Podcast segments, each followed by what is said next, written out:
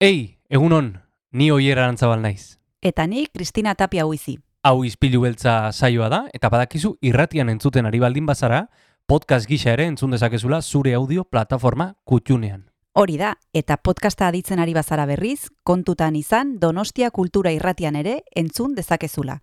FM eundazazpi puntu lau frekuentzian. Sare sozialetan ere topatuko gaituzu noski, izpilu beltza bilatuta, Instagram, Facebook eta Twitterren. Besterik gabe, guazen gaurko saioarekin. Az gaitezen,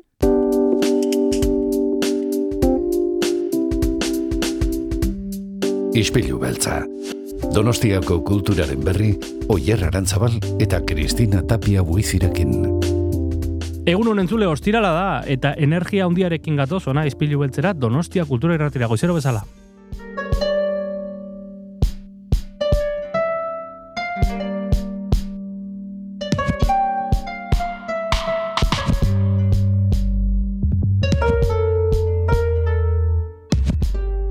Goizero bezala, Kristina, en, bueno, pixka solasean aritu, mm, protagonistak eh, gonbidatu, kasu hontan literatura hitz egitera. gaurko saioa oso mm, literatura zalentzat e, izango da nik uste dut.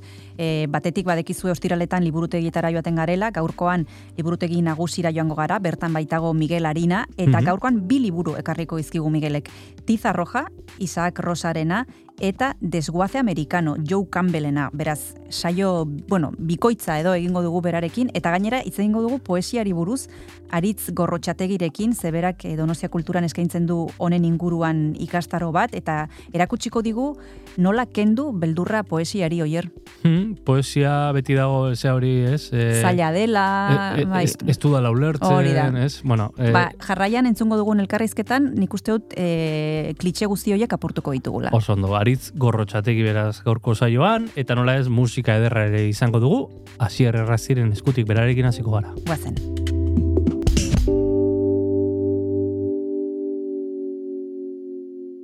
Kaixo entzule, zer moduz, iritsi da ostirala azkenean eta honekin batera badakizue. Ba, aste hontako azkeneko ispilu beltzaren dosia izango duzuela gaurkoan eta datozen minutuetan, bueno, ba, elkarrezketatu zoragarriak izateaz gain, Kristinak eta Oierrek, e, bueno, ba, ipatu moduan, kanta ederrak ere izango ditugu. Eta kanta horiekin hasteko, ba, gaurkoan, tira, mm, erritmo dun, alaitasuna dun, eta mezu zoragarria dun eh, abesti bat aukeratu dugu.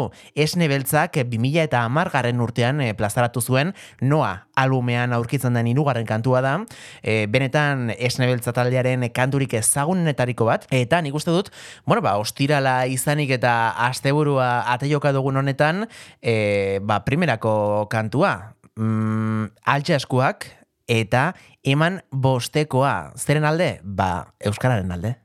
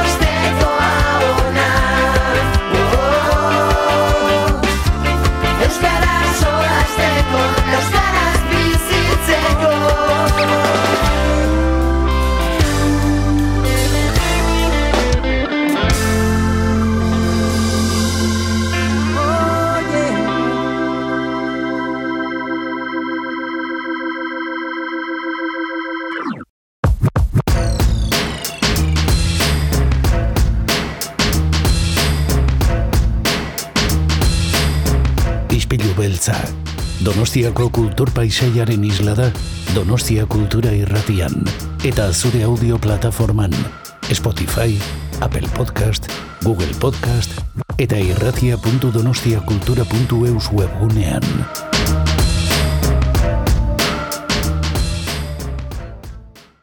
Gaur ostirala da eta badekizu entzule ostiraletan Donostia Kulturako ikastoren inguruan aritzen garela.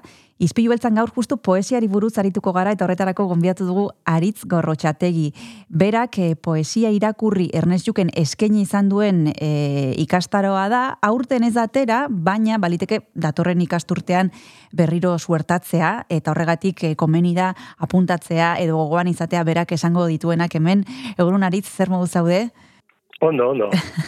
bueno, aipatu dugu justu aurten ez dala atera zuko, e, ba, orain arte eman duzun ikastaroa poesia irakurri eta aurrekoan honen inguruan aritu ginen, baina guazen errepasatzera pixka bat e, zertan, e, nola, nola egiten duzun ikastaronetan, zer ikasteko aukera dugu edo edo zer, zer egin genezak guk izen emango bagenu urrengo ikasturteetan e, poesia irakurri ikastaroan nariz. Zer, nola egiten duzue?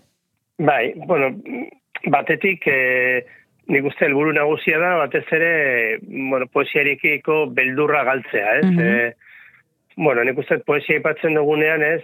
Ba, e, jendeari orokorrean balako zea bat sortze zai, ez? Puf, hori ez dut ulertzen, hori bai. zaila da. Eta, bueno, ba, bai nik uste ikastararen helburu nagusi hori da, ez? Pixka bat, geruz hori, barrera hori, kentzea eta poesiaz e, gozatzeko gai izatea, ez? Hmm. Eta gero, bigarren parte batean, ba, bueno, hainbat eh, egile lantzen ditugu, egia da egile batzuek bagian e, erresago argiagoa direla, edo agian erresago eltzen direla, orduan, bueno, esango genuke, hori ere, ba, mailakatu egiten dudala, ez? E, mm. Bueno, autore egile e, argiagoak edo e, erresagoa ez gustatzen hitza, ez? Baina, bueno, esango nuke, ulargarriagoak, landu eta bueno, tarteka tarteka ere ba gauza esango nuke, bueno, bagian exigenteagoak edo hermetikoagoak ere, ez? Eh? Nik hmm. uste azkenena da kirola bezala, ez? Ez du hmm. zenbat eta gehiago landu, Orduan eta azkenan gaitasun gehiago dakazu zure buru ere gehiago esango nuke estutzeko edo ez, hmm. areago juteko, ez? Orduan poesian ere antzera gertatzen da, ez? Zenbat eta gehiago irakurri, zenbat eta gehiago murgildu, ba nik uste ere pixkanaka pixkanaka gaitasun hartzen zoaz eta, bueno, ate berriak zabaltzen zaizkizu. Mm Aipatu duzu gauza bat oso interesgarria aritz eta da normalean beldurra diogula genero honi poesiari, bueno, ba, errespetua ematen digu eta zergatik uste duzu gertatzen dela hori, zergatik e, poesia daukagu, ba, bueno, zerbait oso ba, adituentzat edo, edo bueno, ira, bai. asko irakurtzen duten entzat, eta ez dala denontzat, zergatik pentsatzen duzu hori, pentsatzen dugu hori barkatu. Ba, jo, beti horatzen ez, lagun bat banuen behi arte derrak ikasitakoa, eta behin berarekin izketan, e, kuadro bat buruz nik esaten nio, ba, ez zer kontatzen ari den, ez? Hmm. eta berak esan zian, bueno, kuadro batek ez du zertan zerbait kontatu behar, ez? Hmm. Beste gauza batzuk ere egin ditzake, ez? Da, nik uste, poeseria horbiltzen geranean, jene horbiltzen ere, ba, novela batera bestela, ez? Bueno, ea ze kontatzen didan. Hmm. Eta egia da poesia baldorretik, e, naiz eta badagoen poesia narratiboa, barokorrean nik esango nuke musikarekin antz gehiago duela, ez? Poesiak, bueno, zerbait kantatzen digu, ez? Zerbait transmititzen digu. Eta nik uste dut jendeak, e, bueno, jendea joaten da novelaren edo prosaren mentalidade horrekin eta batzutan hori, ez? Txoko hori egoten da, ez? Jo, ez dut ulertzen, atera egiten naiz testutik, baina, bueno, askotan ere da, atera egiten zera joaten zerako gauza baten bila, e, nolabait, esango nuke, e, irakurketa itxiago batera, ez, juten Bai. dela jendea, eta nik gomendatuko nioke modu irekiagoan hartzeko, ez? Musika ipatu ez, da nik uste eta egokia dela, ba, musika askotan entzuten dugu, eta ez dakigu zehazki zer esan nahi duen, ez dakigu nota batzuk zergatik lotzen diren, baina e, musika horrek zerbait mugitzen digu? Mm. zerbait sugeritzen digu, ez? Nik uste poesiara pixkat horrela horbildu behar dela, ez? Hmm. e, bilatu pixkat po- poesiaren erritmoa, ze irudi sortzen dituzten metafora, e, ulertzen dugun horrekin gozatu, zerbait ulertzen ez badegu, da eskapatzen bazaigu, ez tematu hor, ez, e, zera, mehatzean bezala, Bai. hemen argitu arte, ez, ez, ba, sa- salto, ez, pixkat librago irakurri. Eta zeiat irakurtzen, pixkat mm, zerbait esaten didanarekin, ez, Hmm. bilatu zer esaten dizu. Hmm. Ez da zer esaten, segi, segi beste poeta batzuk e, bilatzen, segi irakurtzen. Baina batez ere hori, ez? Hmm. tematu gabe esan nahian eta zer kontatzen ari zaia maizik. Eta bueno, beste, beste gauza batzu bilatu, ez? Askotan ez, poema batean e, gogoeta bat egon daiteke, ez? Eta igual gogoeta horrekin bakarrik, ez? Edo gogoeta hori nola planteatu da egon, horrek ja betetzen zaitu, ez? Hmm. E, agian gainerakoa pixkat eskapatzen zaitu, edo iruditzen zaitu labainkorra, Hmm. Eta era beran, uste, poesiak ere aukera ematen dula irakurleak bere, bere pelikula egiteko, ez? Mhm. Orduan, bueno, zuk irakurtzen duzu, eta azkenean, e, bueno, uste, e, Marina ez beta llebak antzeko zerbait esaten zuela, ez? E, Ez, ez esan, ez, noi kritikari ere zen ez bezala, ez esan, hainbeste, zer esan nahi dudan, ez? Baizik, eta zuk ze hartu duzu nik idatzitakotik, ez? Hmm. Eta nik uste dut hori dala interesgarrien, ez? Irakurleak bere egitea poema eta pixka bere interpretazioa eta askatasunez irakurtzea. Mhm. Bueno, ba, poesiari buruz jarraituko dugu orain txertan hitz egiten aritz gorrotxategirekin, e, tartetxo bat hartuko dugu eta segituan itzuliko gara.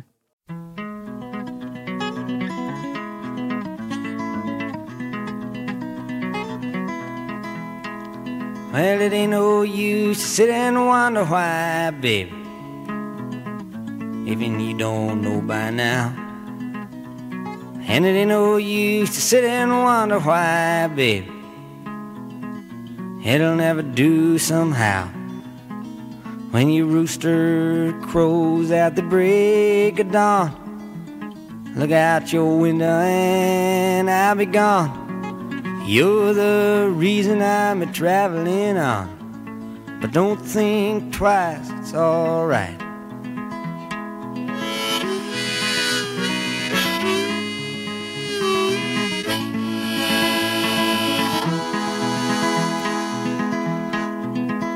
And it ain't no use in the turning on your light, babe. The light I never knowed. And it ain't no use in turning on your light, babe. I'm on the dark side of the road. But I wish there was something you would do or say to try and make me change my mind and stay. But we never did too much talking anyway. But don't think twice, it's alright.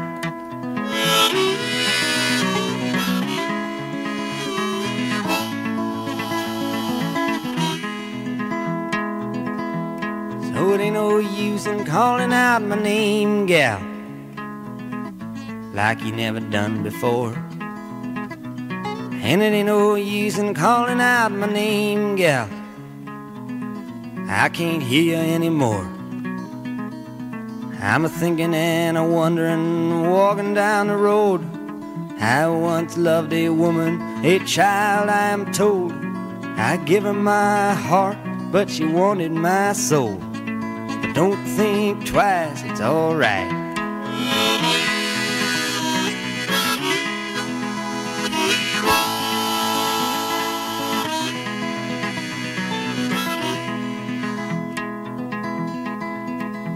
So long, honey, baby, where I'm bound, I can't tell. Goodbye is too good a word, baby. So I just say fairly well. I ain't saying you treated me unkind. You could have done better, but I don't mind. You just kind of wasted my precious time. But don't think twice, it's alright.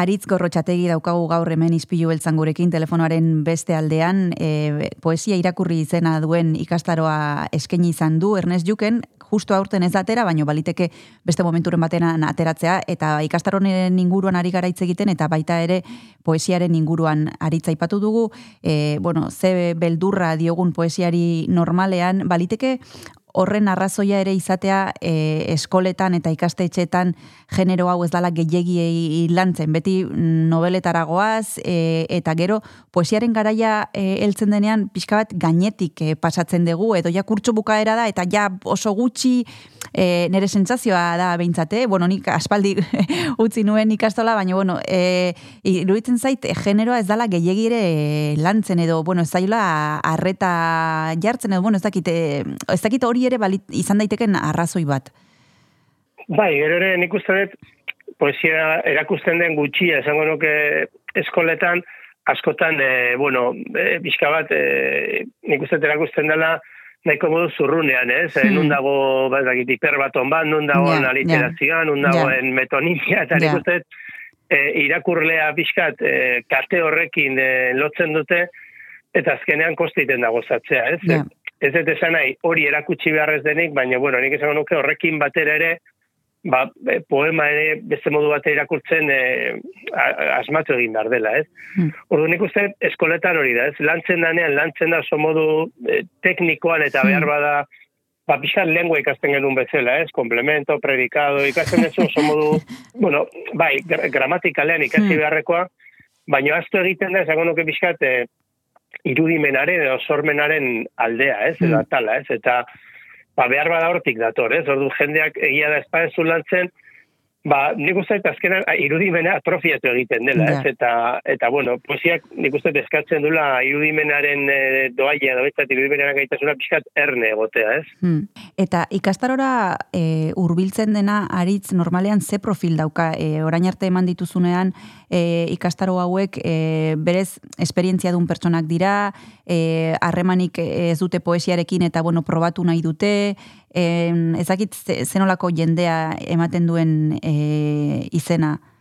Bai, nik uste, bueno, normalean, mm, bueno, denetarik egoten da, normalean jende helduagoa, eta esango nuke, batez ere, bueno, e, kultura, kulturarekin, e, bueno, kultura interesatzen zaien jendea dela, ez? E, agian, mm. poesia ez duena inbeste ezagutzen, mm. Baina egia da, e, edade jakin bat eukita, bagian eskolan, ba, gaur egun baino gehiago landuta dakartela, mm eta batez ere nik uste hori, ez, etortzen direla pixkat, ba, bueno, beldur hori galtzeko, edo, edo badutelako zaletasun pixkat, baina agian ez dute ere gehiagi sakondu, eta bueno, ba, sakantzeko gogoa dute, ez, beraz, mm. nik uste bi perfila daudela, ez, beldurrak galdu nahi duena, eta pixka bat gehiago ezagutu nahi duena. Demagun, e, kontakturik e, gabe hurbiltzen dela norbait, ez duela gehiagi irakurri poesia, eta zuk esan duzu poesia kirola bezala dela, zenbat eta gehiago irakurri, ba, gaitasuna hartzen e, goaz, e, zuk nondik gomendatuko zenioke pertsona bati astea? E, zein autore izango lirateke, ba, bueno, asteko aproposenak, eta gero pixkanaka, pixkanaka, mendi hori e, igotzen ahalbidatuko duten hoiek? Hombre, hori ya gusto, gusto kontua daude. Nik esan dizake, esan dizake autore batzu, bueno, adibidez, la burura tortze zeit, adibidez, eh, ba, bueno, pesoa da autore bat agian mm Mhm. azteko ondo egon daitekena, ez? Mhm. Eh, ba, bueno, eh, segun gainera zanet, eh, bere eh, heteronimo, heteronimoekin ba, aukeratu dezakezu alde bat edo bestea, Mhm. Boin oroar esan nuke hizkuntza aldetik nahiko argia dela, pentsamendu aldetik eh, sakona eta eta bueno, ez nahiko nahiko accesiblea dela, ez? Eh, esango nuke hori, ez? Ge, gero ba bueno, mu- mu- muturrean jarri genezake, ba adibidez, eh, ba justo hain eskuartean dakate, bueno, pues Rilkeren elegias de Duino, hain eh, Mhm. lumen eh, argitaletxak atera du edizio bat, nahiko Mhm. kompletoa, ba, Orduan, horrezan zuen pixkat hori, ez? Hori, ba, Rilke zelan, badaude poeta pixkate zailagoak, horiek esango nuke direla amaiera, ez? Mhm. Beste alburatze zaidan ere, ba, e, adibidez eh, duela uste diaz edo biharte, e, ba, e, Cervantes aria jaso zuen Cristina Peri Rossi ere oso egoki izan daiteke azteko, oso poeta esan nuke hori ez, e, argia da, oso, bueno, egunerokotasunaren poesia jorratzen du, e, bueno, e, Ma- Mario Benedetti bere izan daiteke Mhm. aukera egoki bat, Mhm. Eta, bueno, euskeraz ez nuke esango ere, hola, bueno, ez dakit ez, hola, gauz, hermetiko, lan hermetiko egiak, badaude lan batzuk, e, bagian egile batzuk pixkatilunagoa, baina, bueno, ez nuke esango ere bereziki zaila denik, ez? Ba, bueno, adibidez, e, leire bilbaurekin ere hasi daiteke, eta, eta bueno, hasiera egokia da, e, pixka zailagoa begoa jo gerediaga, ja, pixka zailagotzen bagoaz, pues, e, igor estankona, edo, ez? Mhm. bueno, hor badaude, ez, e, ma- mailak eta gero ere, ba, egilearen arabera eta liburuaren arabera, ez? Mhm. Baina, bueno, bai, komeni da pixka bat hori, ez? E, pixkanaka, pixkanaka jutea, eta, baina, bueno, beti ere, be, zergatik ez pixkat ere erronka handi horiek buruan eukitzea, ez? Azkena ez, eta, bueno, ni hemendik hasiko naiz, baina, bueno, zergatik ez, agian egunen batean, Claro. saiatuko naiz e, mendi hori gotzen, ez? Bai. Saiatuko naiz, eta, bueno, agian galduko naiz, baina, nik beti esatea, galtzea ondo dago, gero, galtzea, espada betiko galtzea, pixkat galtzea, e, alako baso txiki batean galtzea, baina gero irtera topatuko ez zula jakinda, ba ez dago gaizki. Egun, Hmm. bueno, nik uste ondo dagoela ere arriskatzea. Mm, mm. Bai, eta hori badaukagu barneratuta nobelekin adibidez, ez? Ze batzutan hasten gara bat eta bueno, ba ez zaigu gustatzen, ez dugu ez da gure momentua, gero igual bost urte barru hartzen dugu berriro eta bai, eta bueno, hori bai badaukagula barneratuta, bueno, joku hori nobelekin, ez? E, poesiarekin e, ja Bai. E, baliteke batekin hastea eta hor gurutzatzea eta ja ustea, ez? E, bueno, e, hor borroka hori pixka bat e, jakin beharko genuke mantentzen, ez? Edo pixka bat pazientzia, pazientzia izaten Bai. ere bai, ez? Bai, bueno, hori da, ez, azkenean, e, irakurren motaren arabera, ez, badira, hori ez, hasi eta buke egiten dute naiz eta... Hmm, hori da. Eta gian harrapatu ez, baina, bueno, ba, bizkat, e, e, zure burua behartuta ikusten edo obligatu egiten dezu, eta beste batzu berriz, ba, bueno, ez bizkat irakurri eta utzi, bizkat irakurri eta Bai, segi, eta, bai. bueno, ez dakit ez, e, badago esango nuke harreman hor esango nuke extrakonyugala extrakonyugala, ez badaude batzuk oso ezkondu egiten direnak, ez, Bai. pero ni gehi- egia esan liburuekin ezkontzen naizenetako naiz, ez, e, normalan hasi eta buka, ez.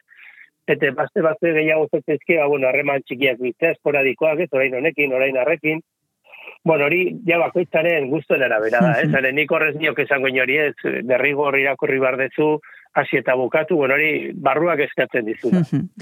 Ba, segituan itzuliko gara zurekin, e, aritz, e, tartetxo bat hartu behar dugu bigarrena eta azkena, eta azken e, txampari ekingo diogu. Come gather round, people, wherever you roam, and admit that the waters around you have grown, and accept it that soon you'll be drenched to the bone. If your time to you is worth saving, then you better start swimming or you'll sink like a stone. For the times they are a changing.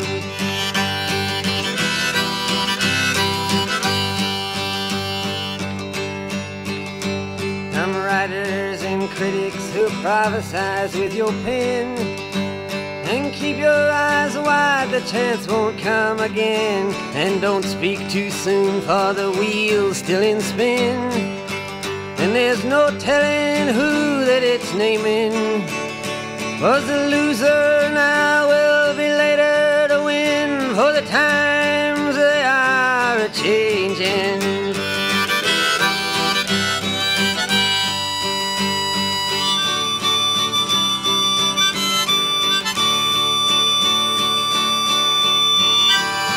Senators, congressmen, please heed the call. Don't stand in the doorway, don't block up the hall, for he that gets hurt will be he who has stalled. The battle outside raging will soon shake your windows and rattle your walls, for the times they are a changing.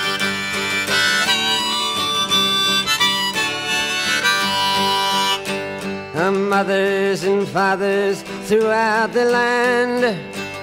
And don't criticize what you can't understand. Your sons and your daughters are beyond your command.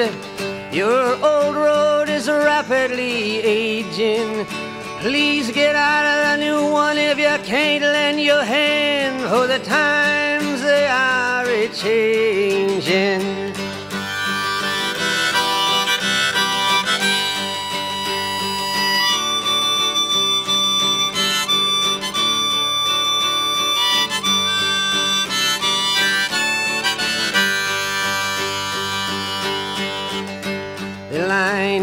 Drawn, the curse it is cast. The slow one now will later be fast, as the present now will later be past. The order is rapidly fading, and the first one now will later be last, for the times they are a changing.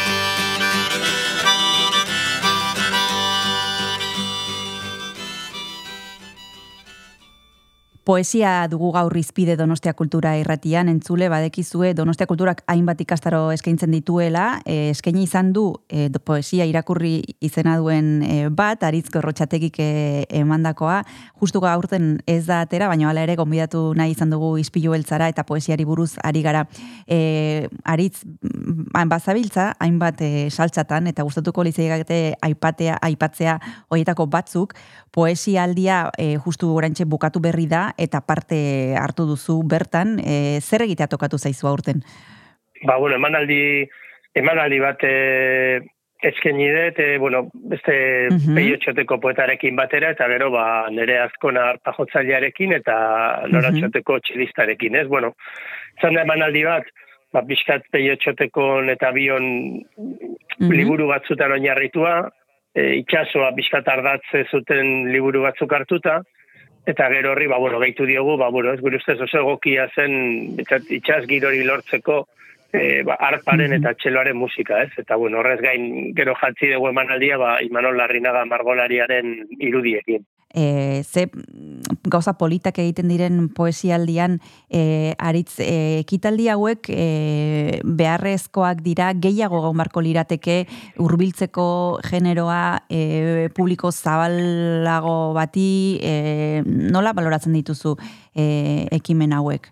Bai, ez, nik uste zer gauzak egitea eta eta alakoak sortzea ba, beti ona da, ez? Mm. Nik uste gero gertatzen da gauza bitxi bat, Eta da, e, lehen esan deguna, ez? Bixat, jendeak poesiari beldurra dio, bai. eta egia da, genero bezala agian ez direla inbeste poesia liburu irakurtzen, mm. baina gero adibidez, e, zinean pelikulatik ikusten ari genean, edo argazki bat, e, jendea bere esatetu, jo, une poetiko bat ah, izan da, eh? Hori egia da. Orduan, poetikoa oso garbi bai. daukagu, ez? Eta, eta lotzen dugu bai. oso garbi poesiarekin bai. hortik dator, baina gero, paradoxikoki, ba, e, bueno, ba, koste egiten zegu poesia liburu bat hartzea. Mm. Nola bait, bueno, eh, esango genuke poesia, edo behintzat poetikoaren kontzertua, ba, disiplina gehienetan e, diluituta dagola, ez?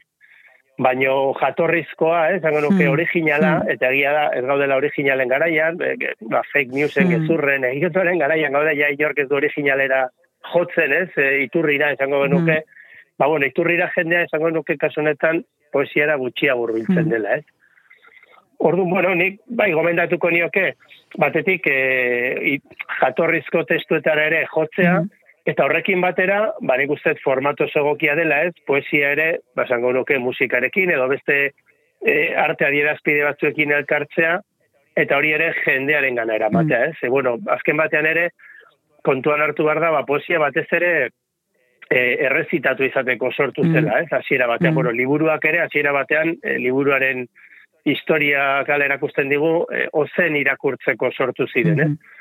Ordu nik uste eta aukera polita dela batetik e, poesiara, esan nuke, urbiltzeko ez, agian urbilketa, ba, pai poetaren hautsetik eta zuzenan entzun da, ego, ba, igual, e, nik uste teakian, ba, zait, zirrara garriago izan daiteke, eta bestetik ere, ba, bueno, ba, behar bada, etxera jut- juterakoan, entzule horiek agian ukitu egin dira poema Mm. batekin, edo gustatu egin zaie beste poema bateko irudi bat, eta agian animatzen dira, Mm. ez, e, poesia gehiago irakurtzera, agian poesia erostera, orduan, bueno, nik uste dut, e, egiten den guztia beti ondo egina dela. Gainera, tokatu izan zaizu, e, lanak epaitzea, aritz, e, Donostia Kulturako Poesia Sarian epaimaikide izan zara, eta nik ezakit e, nola den e, lan hori, e, zelan mota jasotzen dituzuen, oso zaila egiten zaizuen, e, zein den maila, nola bizi izan duzu paper hori? Bueno, beti, azkenean, e, bueno, nik esango nuke epaimai lanean dagola alde objetibo bat, eh? esango nuke baloratu egiten duzu, esango, nuke e, izkuntzan hori idatzia dagoen, e, jasoa den, Mhm. e, eta e, originala den, eta gero, ba, bueno, beti dago zure bihotza, eh? esango nuke beti dago alde subjetiboa, ez? E, Hmm. Eta, bueno, bazkenean, e, ba, ukiditzak ezu mai gainean hiru lau bilduma, ba, iruditzen ezkizunak besteen gaineti daudela, baina gero Mhm. bihotzak, ba, beti, tak ez, ba, nola ez, beti jotz, jotzen duze, ba, ba, igual, baten bat gehiago gustatzen zaizuna, bagian zure poesio ulertzeko ezaugarriekin e, gehiago badatorrelako, edo borobilago iruditzen zegulako, ez? Hmm. Orduan, bueno, nik uste egia esan, e, azken urte hauetan, ba, itxaro borda elitorare txipi eta ni egon gera, eta egia esan, ba, bueno, zorionez, behintzat, eh, nahiko, zaure, kontzidentzia maila nahiko ondia izan da, ez? E, Bueno, kasu batzutan egia tokatzen dela, bagian bildumaren bat, zuri igual ez zaitzuna hainbeste e, gustatu edo igual ez zaizula hain, hain egoki eruditu, eta bueno, beste batzuei bai, ez? Baina gero Mm. azkenean gutxi gora bera, ba bueno, ez? Mm, Azkenean beti geratzen dira bizpairu lan, ez? Hiru lau, eta hoien artean bai esan nahiko nahiko ondo erabaki dugu, ez? Nahiko errez, kointzidentzia maila handiarekin. Egia da, ba beti sariketeko hori dute, ez? Batek irabazten du eta posta batentza da, zoritxarra Bai. bestentzat, ez? E, Gehiago Bai, beharko bai. dutelako.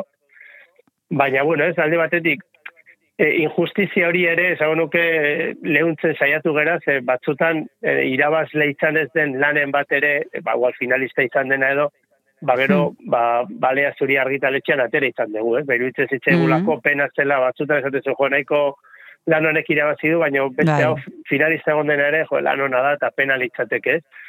Eta gero beti Mm. geratzen zaizu zalantza, ez? E, badira lan batzuk, ba, nik susmoa dakat espada irateratzen olako lehiaketa baten bidez, gero sostaila dutela argitaletxeen bidez bidea Mm. egitea, ez? Batez ere Mm. poesian, Mm. eh? Orduan, ba, bueno, beti saiatzen gea, bueno, ba, irabazle bakarra dago, baino beste batzutan ere, ba, bueno, saiatzen gera, ba, irabazi ez duen lanen bat ere, baino nabarmena iruditu zaiguna edo azpi, azpimarragarria, ba, liburu hori ere kaleratzen. Hmm. Eta maila, aritz, nola ikusten duzu e, urteak, e, bueno, e, urteetan egin duzun lana da, eta nik ezakit urte hauetan nola ikusi duzun bilakaera, baldima dago, edo kalitatea, nola esango zenuke zel, dela? Bai, nik esango nuke maila, maila handia dagola, ez? E, normalean, uste gutxi gara bera urte hori izten dira amabi dozena bat, batzutan pixka gehiago, batzutan igual amaika, amabi gutxiena, nahiko lan iristen dira. Eta niri, bueno, behitzat, atentzia ematen diren gauza bat, kao, e, badibidez, mm, ni idazten hasi nintzenean, edo irakur zaletzen eta bar, erreferentzia literarioak ziran, ez? Batez ere, uste erabiltzen dituenak, eta bueno, garaiko idazleok ere erabiltzen genituenak, Bai. ez? Eta bidez behin sumatzen den belaunaldi berrietan batetik e, teknologia berrien presentzia eta gero asko e, zientzia, ez? Zientziaren ba, gogoratzen naiz urte batean, ba, Schrödingerren katua hiru lanetan agertzen zan, ez? Eta, bueno, atentzia ematizu nola e, ba, jende gaztea, ez? Azten den, e, ikustezu beste imaginario batekin datorren, ez? Ba, e, zientziarekiko, ur, agian, ez? Kasu batzuna zientziarekiko, teknologiarekiko Mhm. urbilagoa, ez? e, bueno, keska sozial ere badago, teknologia berriaren erabilerarekin, da pixka bat teknologia berria suposatzen duenarekin. Eta, bueno, deigarria da ikustea hori, ez? Nola, ba, pixkat beraien erreferenteak eta ere, ba, diferentea dira, ez? Beraien garaiaren ere erreferentea dira. Eta, bueno, ba, egia esan, ba, etzan hainoikoa, ez? Zientziako elementuak eh, poemetan sartzea, eta bueno, orain ba, normaltasunez, eta eta esango nuke ondo txertatuta bertzen direla, eh? bueno, ba, eskerrik asko, aritzko rotxategi, bota duzu amua, eta saiatu gara saiatu gara beldurra hori ba, bueno, ba, kentzen edo saiesten eta entzuleari esango diogu ba, bueno, aukera badu e, ardezala e, poema liburu bat eta bueno, probatu dezala bertze ze gertatzen den. Ez du, ez du, bueno, ere barkatu, eh? Ez du zerta irakurri behar lehenengo poemati bukara, baizik eta baita ere, ez, egin dezake, ba, dakite, hasi poema batekin, salto egin eh, amargarrenera, uste ere, eh, jolas hori egin daitekela, eh? Bizkate, irakurri daiteke, ba, bizka raioelarekin gertatzen zen bezala, mm, eh? mm. novela batekin txailagoa da hori egitea, eh? Mm. Espada gileak propio eh, joku hori prestatu bai, badu, eh? Baina nik bai. uste, poemek bai ematen dutela aukera, ba, irakurtzeko saltoka, atzera aurrera, poema berdin irakurtzeko handi egun batzutara, orduan, bueno, nik bai gomendatuko nieke, osorik irakurtzen badute oso ondo, baina, bueno, saltoka irakurtzen badute ere, bai. Bueno, ba, hortxe gure proposamena, esan bezala eskerrik asko aritz korrotxatek izpilu beltzara urbiltzeagatik, bezarka da bat eta urrengor arte. Ba, izuri ere, mila esker.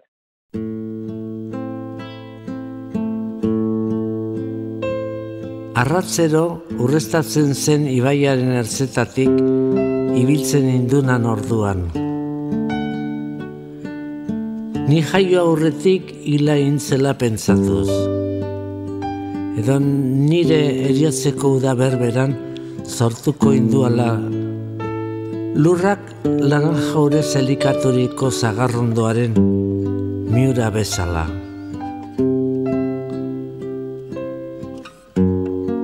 Espaloi orotan bilazen inan, ire zoineko gorri eta urdina.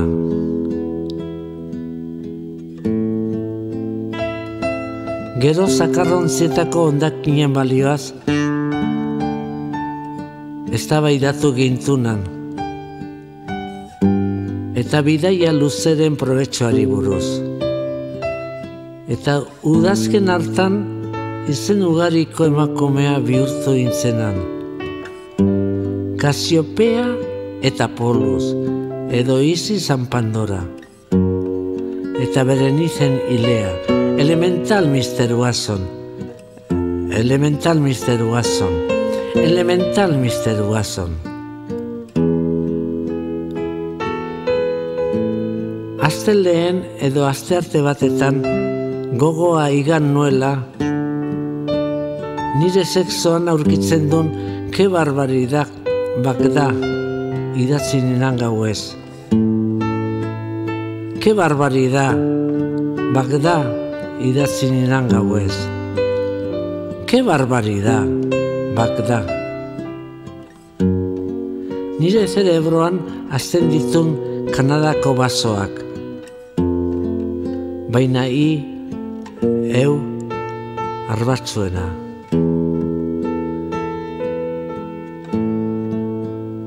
Horein, ire maita letraketzen naun, maitatzen naunat, etc. Negu esperetan, etc. etc. Nire zerebroan azten ditun Kanadako basoak, baina i eu basorik arbatzuena. Orain, ire maita letraketzen naun, maitatzen naunat, etc negu esperetan, etcétera, etcétera.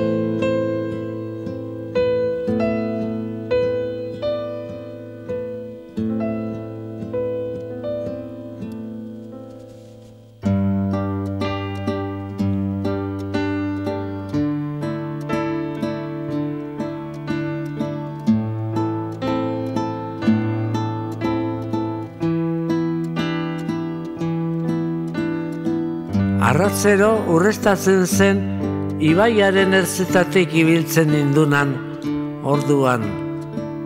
Ni jaio aurretik hila intzela pentsatuz. Edo ne, nire eriatzeko uda berberan sortuko induala. Lurrak laran jaurez, elikaturiko zagarrondoaren miura bezala. espala jorotan bilatzen inan ire zoineko gorri eta urdina. Gero, zakarrontzietako ondakinen balioaz, eztabaidatu gintunan. Eta bidaia luzeren probetxoari buruz. Eta udazken hartan, izen ugariko emakumea bihurtu intzenan. Kasiopea eta Polus, edo Isis and Pandora, eta beren izen ilea.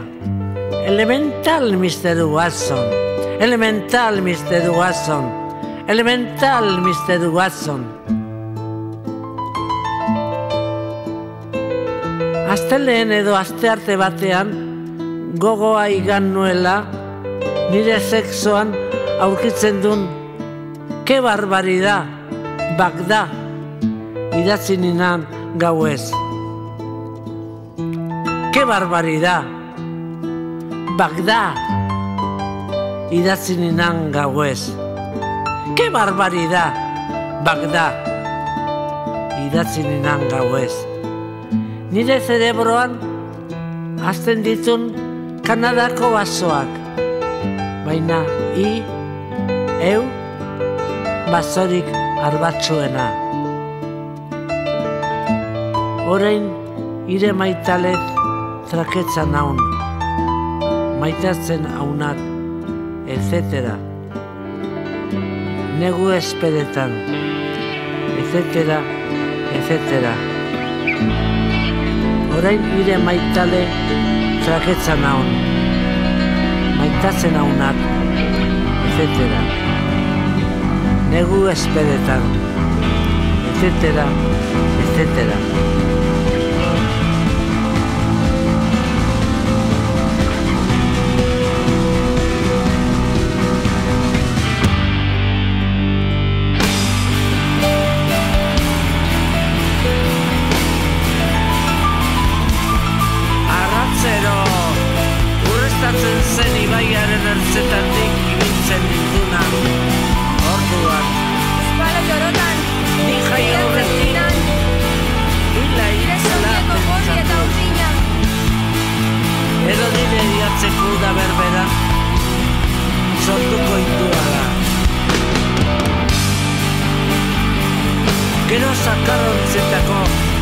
ondakinen balioaz, ez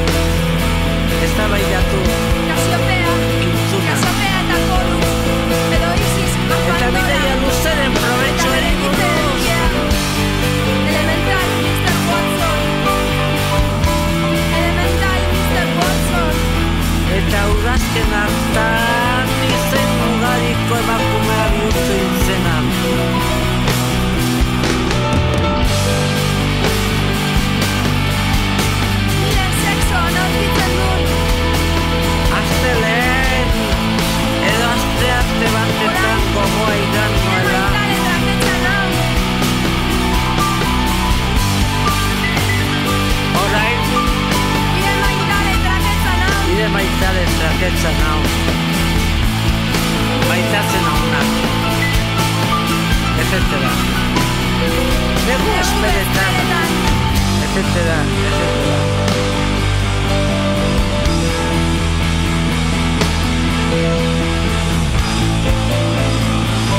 Arratzero urrestatzen zen ibaiaren ertzetatik Orduan Ni jai aurretik Hila intzela pentsatuz. Nire sexoan aurkitzen dut. Laranja urez elikaturiko zagarrondoren miura bezala. Orain, orain nire maitale traketza nau. Eta bidaia luzeren probetxoari buruz. Negu, negu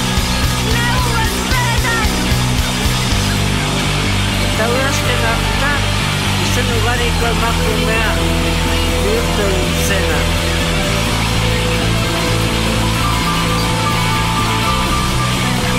Azte lehen Edazte arte batetan Gogoa iganoela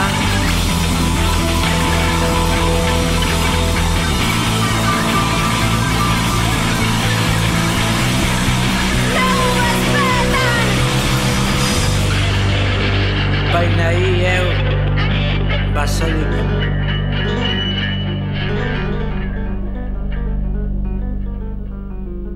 Arbatxoena. Gogoratu izpilu beltza entzuten ari zalera Donostia Kultura Irratian, baina nahieran ere topatu dezakezula podcast gisa gure saioa. Edozein audio plataformatan arpidetu eta Kristina Tapia Uizi eta biok asko eskertuko dizugu. Orain jarrai dezala saioak.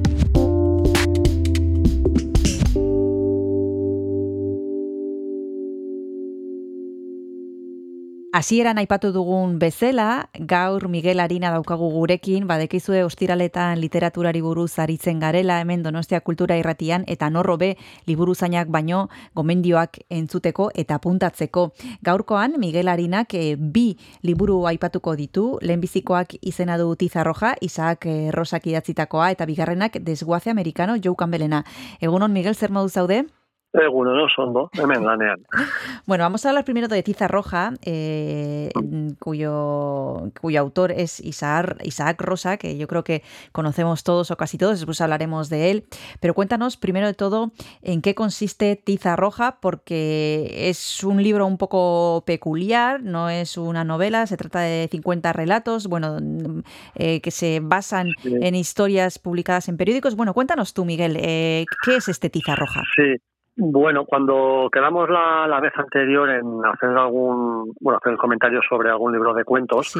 bueno, pues pensé que podían ser dos cuentos totalmente diferentes para ir viendo el asunto de que, bueno, el relato literario admite millones de posibilidades, ¿no? Entonces son dos autores, pues uno es un español y otro es una mujer estadounidense. Entonces, eh, su literatura es diferente porque, porque es las posibilidades que tienen, ¿no? Entonces, dentro de estos, pues Tiza Roja es un libro que, bueno, me cayó entre las manos en, en la Liburutegui. Sí, es curioso porque en principio él, en el prólogo el propio autor dice que, que él en principio es periodista, es de formación periodística y eh, de todas maneras estos cuentos son, son encargos para periódicos en los cuales él aprovechaba el, su trabajo como periodista, el análisis que tenía de la realidad, de los diferentes problemas que podía haber y escribía cuentos sobre ellos. Entonces, lo que sí es claro que, que son cuantos, son relatos, o sea, no, no son artículos periodísticos ni nada de ese estilo, son realmente eh, pues cuentos literarios. Cuentos literarios que tienen relación entre sí, que podemos sacar una conclusión cuando los leemos todos juntos o no tienen nada que ver el uno con el otro. Eh, bueno, eh, él los agrupa en diferentes, en diferentes secciones, ¿no? De que economía, laborales, anuncios, tal. No, eh, al final es un reflejo bastante, bastante extenso de, de la sociedad en las que nos vemos actualmente. Son Ujú. cuentos eh, que están, que están escritos refiriéndose a la realidad actual. Eh, pandemia, pospandemia, prepandemia, en, en estos años que tenemos ahora y eh, la verdad que lo hace con, con bastante con bastante mala idea, porque busca ángulos de la sociedad que, que cuando estamos leyendo el cuento lo reconocemos absolutamente, pero él un poco como indaga y busca el ángulo igual que a él más le interesa, un poco un poco inquisitivo, diría yo. ¿Te ha gustado, eh, Miguel? Eh, ¿Te ha gustado Tiza Roja? Y de lo que te ha gustado, ¿qué es lo que más eh, te ha atraído? Sí, bueno, me ha gustado, me ha gustado porque eh, ya digo, a mí eh, me gusta un poco que, que, bueno que la literatura tenga que ver un poco con todo, que no sean eh, cuentos que no te dicen nada, ¿no? Mm. Eh, lo peor que puede pasar con un cuento es que lo leas y te quedes indiferente, Mm. que digas, bueno, y no pasa nada. Mm. Sin embargo, este, este, ya digo, busca ángulos de la realidad un poco, un poco igual de manera irónica, de manera un poco, a veces un poco cruel, igual, con cierto sarcasmo, y, y además son temas que en cierto modo eh, suele salir incluso la, la sonrisa, ¿no? Esta sonrisa irónica de decir, madre mía, cómo somos, ¿no? Cómo, cómo somos todos, no en todos los cuentos, pero muchos de los aspectos que, que hay son, son cosas que, que llevan muchos seres humanos dentro y aquí se puede se pueden ver. Mm. Sí, eh, podríamos decir, y en alguna crítica he leído también que son eh, temas que el autor universaliza, que igual parten de una historia muy concreta, muy pequeña, pero que mm, tienen la capacidad de que, de que todos nos podamos ver eh, reflejados eh, en ese recorte de periódico. Sí, porque hay ciertos rasgos. Eh, claro, la situación en la que se plantea es una sociedad como está ahora, eh, que bueno, donde hay un sector de ella que lo está pasando bastante mal eh, por razones económicas, sociales, etcétera. Entonces, eh, está enfocado en esa en esa gente que en cierto modo lo está pasando mal, está sufriendo las causas de una crisis. Entonces, estamos hablando yo qué sé, pues desde un rider, un repartidor de estos en bicicleta, eh, limpiadoras, eh, gente Mm. que se ha quedado en el paro, gente que Mm. está en empresas eh, con problemas, o sea, ese tipo de gente que, que ve su dificultad en, en el mundo y entonces él, él lo plantea desde, desde una visión bastante realista y a la vez es un poco es un poco dura a veces la, la situación de la gente. Ujú. Con respecto al lenguaje, Miguel, ¿qué podríamos destacar eh, de Isaac Rosa en este Tiza Roja? Literariamente eh, es un lenguaje accesible, no, se, no se complica con grandes figuras literarias ni grandes cuestiones. Yo creo que lo que él pretende es que los cuentos se comprendan perfectamente. Ujú. También tengo que decir que son cuentos no muy largos. Tienen, yo creo que tienen un- una una duración bastante apropiada, pues pueden ser eh, tre- entre tres y ocho páginas del libro, ¿no? y entonces eh, la acción se desarrolla, se presenta muy bien, enseguida sabemos de qué, de qué nos está hablando, estamos, entramos en situación, nos ponemos en acción, vemos a los personajes, vemos y una cosa que a mí me parece muy importante que lo consigue con un lenguaje muy sencillo, enseguida ves el personaje cómo es, Mm. cómo piensa, eh, refleja y mediante sus acciones o mediante sus hechos o algunas palabras que pueden decir, ya, ya lo colocas como qué tipo de ser humano es, ¿no? Mm. Que no siempre son seres humanos modelos, digamos, eh, y, y lo vas viendo. También está bien, eh, quiero que lo hace bien porque eh, no, no, no da moralejas, no son cuentos con moraleja. Él no te explica lo que está bien, lo que está mal. Él simplemente Mm. presenta la situación, presenta los hechos que ocurren en el cuento y ahí te lo deja. Y es cuando eh, el, el lector eh, toma el proceso de, de entender lo que le han contado, qué ha pasado, cómo son los personajes, qué ha ocurrido, y yo creo que en ese sentido lo, lo hace bastante bien. Bueno, vamos a recordar que el autor se llama Isaac Rosa, que es un, peri- un periodista de formación que vive en Sevilla y que, bueno, le podemos leer en el diario.es, colabora también con la SER, con otros medios de comunicación y que, bueno, tiene ya unas cuantas novelas a sus espaldas que quizá se dio a conocer sobre todo por, por una novela mm, llamada Otra maldita novela sobre la guerra civil, que es de 2007. Y esta es eh, la propuesta, la recomendación que nos ha traído hoy eh, Miguel Harina. Ahora vamos a seguir hablando de otro libro completamente diferente, pero antes nos vamos a tomar un descanso, Miguel, y te voy a pedir que nos pilles una canción. ¿Qué has pensado? Vale, pues como un autor era español, pues un autor español así también que bastante cercano, eh, Aute. Aute, la canción pasaba por aquí. Perfecto, pues vamos a escucharle.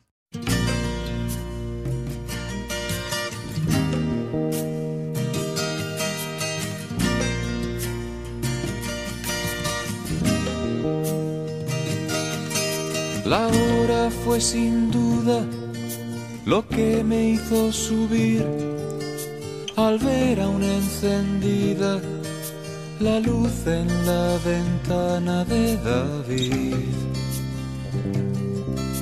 No pienses que te espío, no llego a ser tan ruin.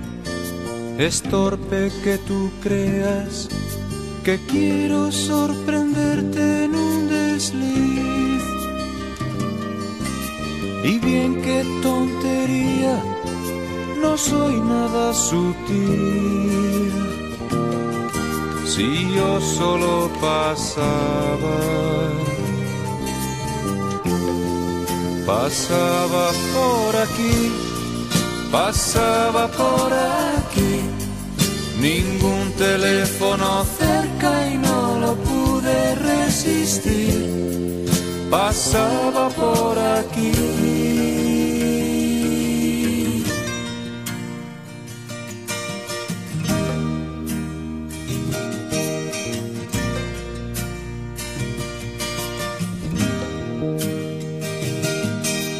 ¿Qué esperas que te cuente? Hay poco que decir. Tal vez me vaya un tiempo. No aguanto este coñazo de Madrid. Te veo muy distinta.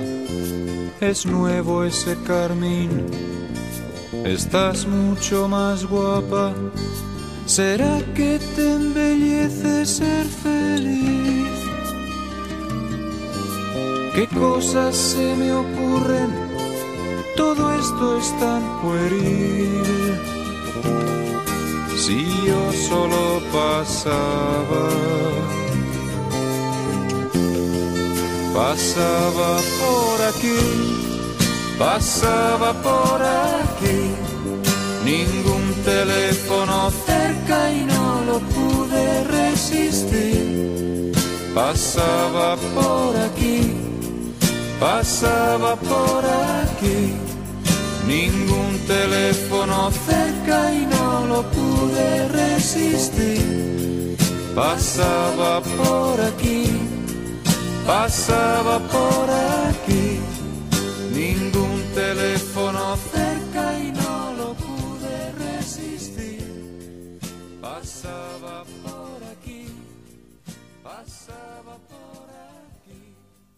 Auteren abesti zoragarri hau gomendatu digu Miguel Ariranak gaur, badekizue gonbidatu dugula literaturari buruz hitz egiteko berarekin, liburu zaina da liburutegi nagusian, eta orantxe bertan aipatu digu e, liburu bat, e, Tiza Roja izenekoa, Isaac e, Rosa idatzitakoa, eta badekizue seis barralen daukazuela, bestela Donostiako liburutegietan ere, berrogeita mar e, relato bildu ditu autore andaluzei, andaluziarrak e, Tiza Roja ontan, eta jarraian hitz egingo dugu beste proiektu baten inguruan desguaze americano hasieran iragarri dugu e, idazleak izena du Joe Campbell.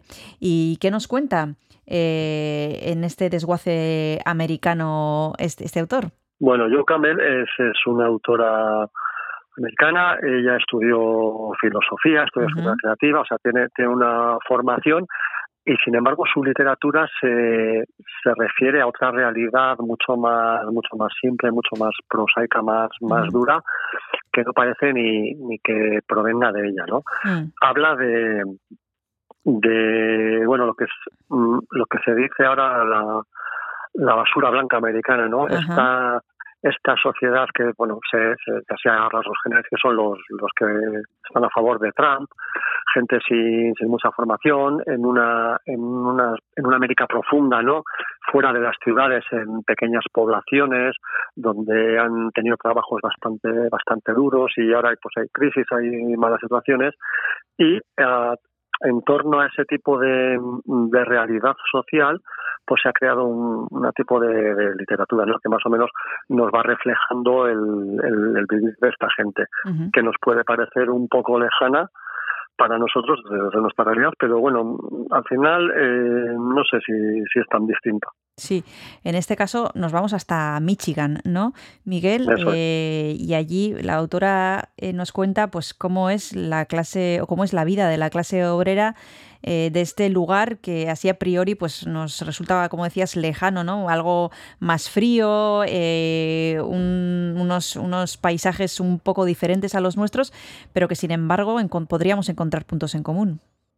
Sí, esta mañana leyendo sobre, sobre Joe Campbell Mm, y hablando de esto, decía que en Estados Unidos hay eh, la gente que espera el sueño americano, la gente que no ha llegado al sueño americano y luego hay gente que ya no espera nada, ¿no? mm, Y entonces los personajes de Joe Campbell son de estas de estos seres que ya que ya no esperan nada.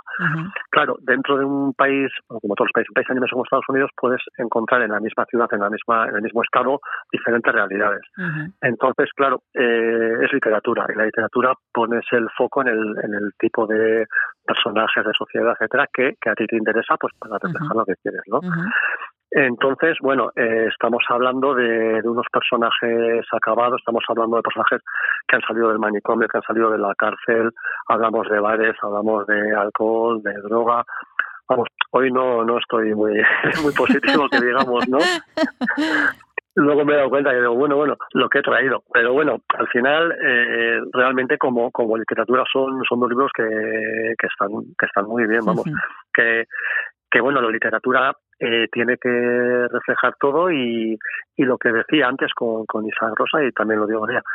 Eh, a mí me parece importante cuando, cuando has leído un libro, cuando lo has acabado, eh, que te quede un pozo, que te Mm. quede un algo que no es recordar exactamente toda la, la trama del libro, los Mm, personajes, mm. los argumentos, Mm. sino que te quede algo, y joder, de ese libro que me dices, te puede que te cuente algo y que te que haya tocado, ¿no?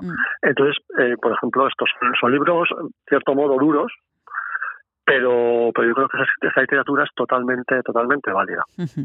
Vamos a seguir hablando de este desguace americano que es la propuesta que nos ha traído Miguel Harina, pero nos vamos a tomar el segundo y último descanso y si antes nos has propuesto a Aute, ahora qué vamos a escuchar. Bueno, pues el, americano por excelencia, Bruce Springsteen, eh, de River, por ejemplo. Perfecto, pues vamos a escucharle.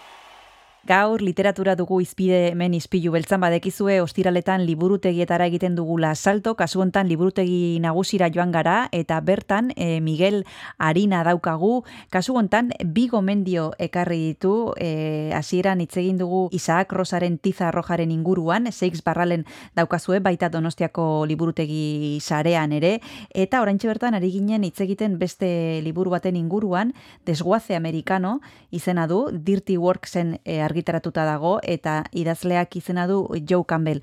Eh, no hay mm, opción a la esperanza en este libro tampoco, Miguel. Decías que has traído dos libros un poco duros. Yo no sé si la autora Sí. se permite en alguna página o en algún momento eh, dar un poco de luz o no.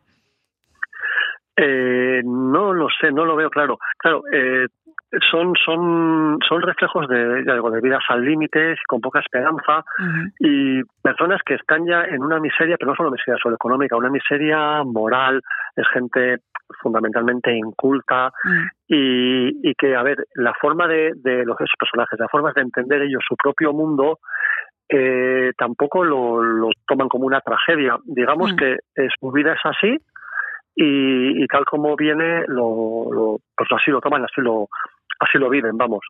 ¿Qué me podrías decir en este caso del lenguaje, Miguel? Antes hemos dicho que el Sí. lenguaje de Isaac Rosa no es un lenguaje complicado, que lo hace de una forma bastante accesible. En el caso de Joe Campbell, Sí, pues en- es una cosa curiosa y eso lo estuve analizando los fondos, los he vuelto a leer un par de veces porque yo veía que había algo, porque había, había una historia y es una, una forma de narrar en la cual hay una historia, digamos, superficial, en la cual, en la cual puede haber una historia, yo qué sé, de, de alguien que está en un bar, llega su, que es una mujer que viene no se sabe de dónde, entonces él está con otra persona, hay un cierto conflicto entre ellos, pero la verdadera historia va por debajo.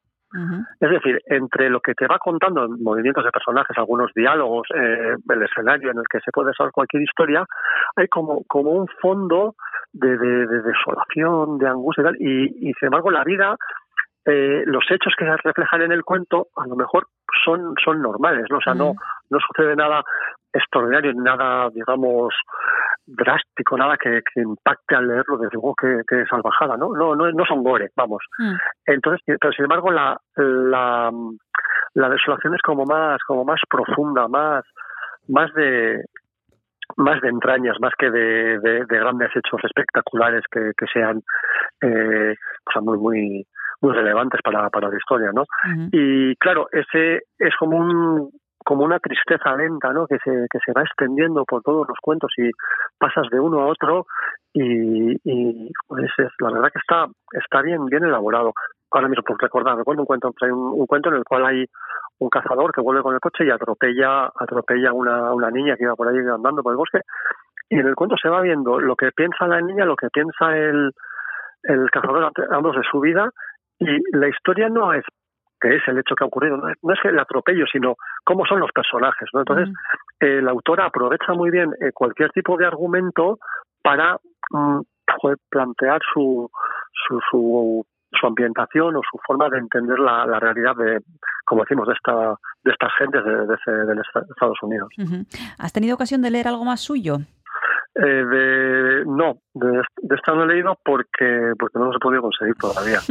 pero pero es muy interesante. Y encima está mm, hay un, una editorial Dirty Works, una editorial de Barcelona que se está dedicando a este tipo de, de libros de mm, de, este- de estos americanos de eso de, de la bueno, de la desolación esta americana de estos tipos de pequeños pequeñas ciudades pequeños pueblos.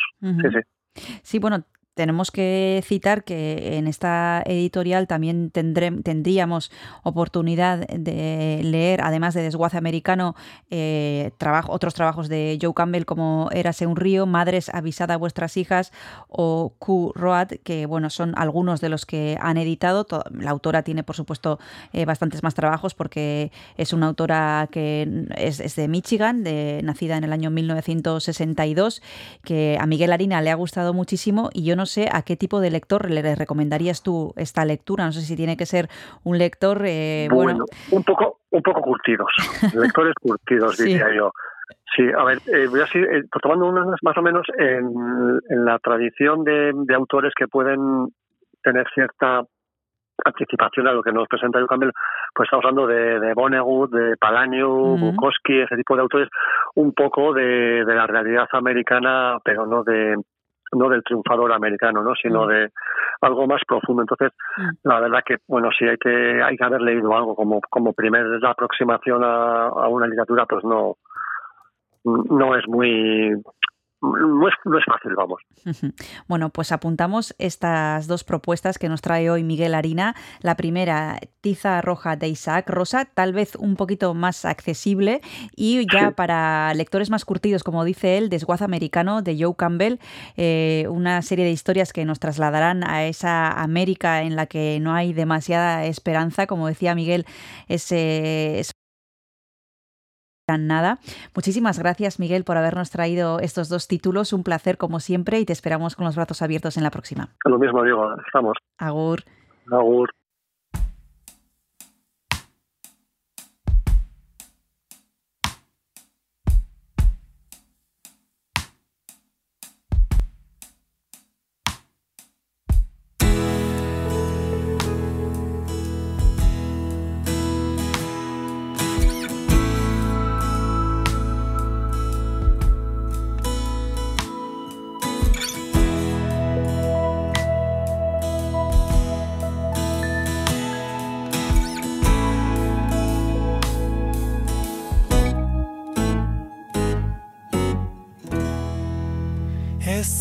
Ez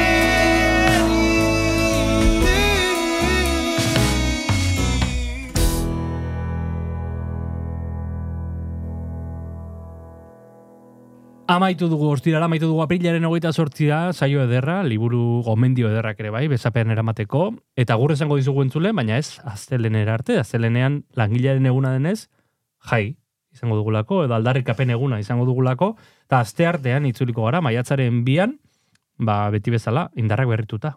Beti bezala kresalako lagunak etorriko zaizkigu aste artean, maiatzaren bian, eta gainera, pianista batekin hitz egingo dugu Noelia Rodilesekin, Victoria Eugenian Tzokian kontzertua eskeniko du, e, Schubert zikloaren baitan, baina hori guztia izango da hiru egun oporra hauek pasa ondoren. Hori da, e, esan bezala espero dugu e, langilearen eguna e, ondo pasatzea eta eta aldarri izatea, ez? Langileon eskubideak eta asteartean, e, esan bezala itzuliko gara, bitartean zaindu, zaindu zu eta zeure ingurukoak eta gogoratu ispilu beltza goizero goizero entzun dezakezula Donostia Kultura Irratian FM 107.4 frekuentzian.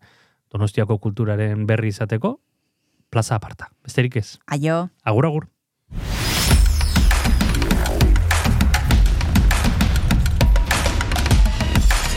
Donostia Kultura Irratia. Zabaldu gurekin Donostialdeko kulturaren leioa.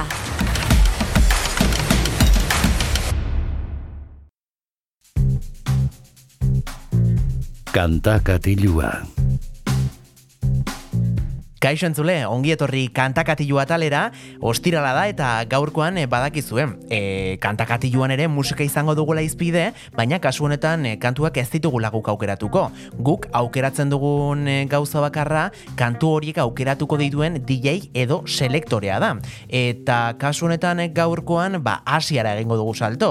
Sakdi izena duen, izena artistikoa duen, eh, bueno, ba, bilduma gilea, eh, ekarri dugu gurena, eta Japoneko ba, kaleko popa e, alaxe izendatzen du berak e, behintzat e, bere zuzeneko sesio hau eta honen bitartez e, bere esanetan bueno, ba, kaleko ez street e, berak e, dioen moduan kaleko pop japoniarra entzuteko eta ezagutzeko aukera izango dugu datozen minutu hauetan beraz e, gehiago luzatu gabe nik Shakdi e, artistarekin uzten zaituztet eta bueltan entzungo gara elkar.「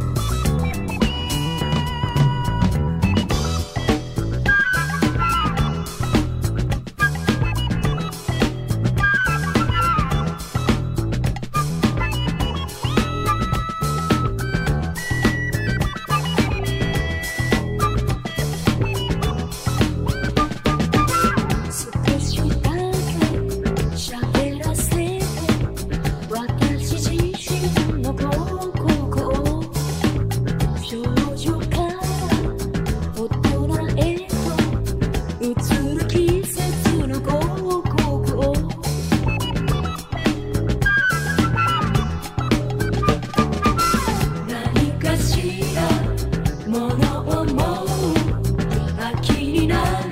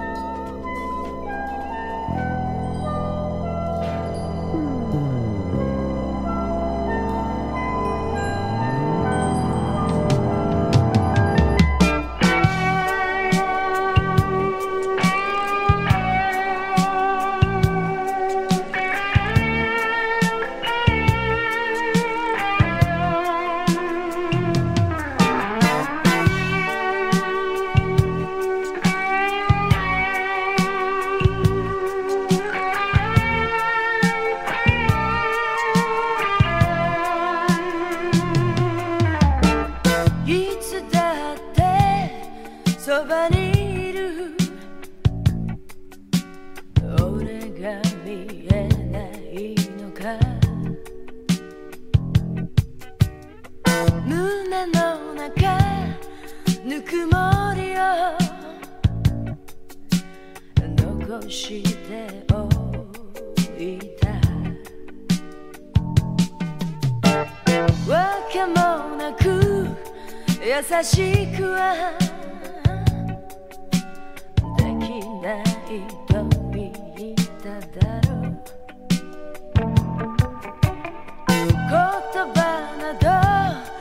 Nem tudom.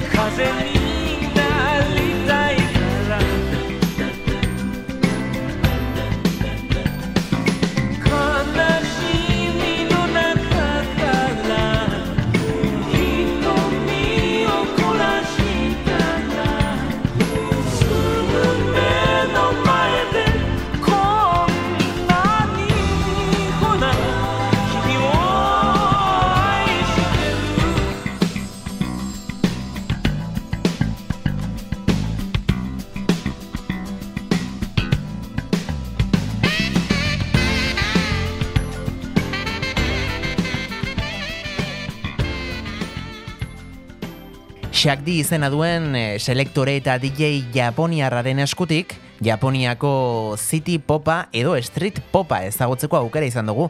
Azken eh, minutu hauetan, eh, benetan, eh, bueno, pintxada zoragarria, live session, bueno, ba, berezia behintzat, eh, ez gaudelako osoituak ez da, hemen Occidentean eh, Asiako musika entzuteari, eta, mm, bueno, ba, badakizue, eh, Shakdi, S-H-A-Q-D-I, eh, YouTubeen ipiniz gero, ba, bere inguruan ere informazio gehiago lortuko duzuela, baita bere pintxada gehiago ere.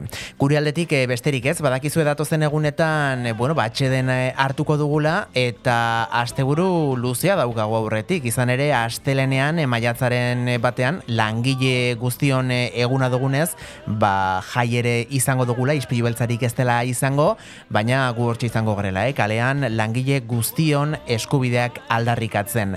Beraz, aste artean itzuliko gara ona, Donostia Kultura irratira, goizeko zortziretan, eunda zazpi puntu lau frekuentzian, eta bestela badakizue, irratia.donostiakultura.eu satarian, edo zuen podcast plataforma kutxunenean, aurkituko gaitu zuela bilatzaian, ispilu beltza idatzita besterik ez, errexe errexe. Beraz ez dago itzakiarik, zuek nahi baduzue hortaz, aste artean entzungo gara elkar, eta bitartean badakizue, txintxuak izan, agor. Ispilu beltza podcasta entzungai duzu irratia.donostiakultura.eus webgunean, Spotify, Apple Podcasten, Google Podcasten edo zure audio plataforma kutxunenean.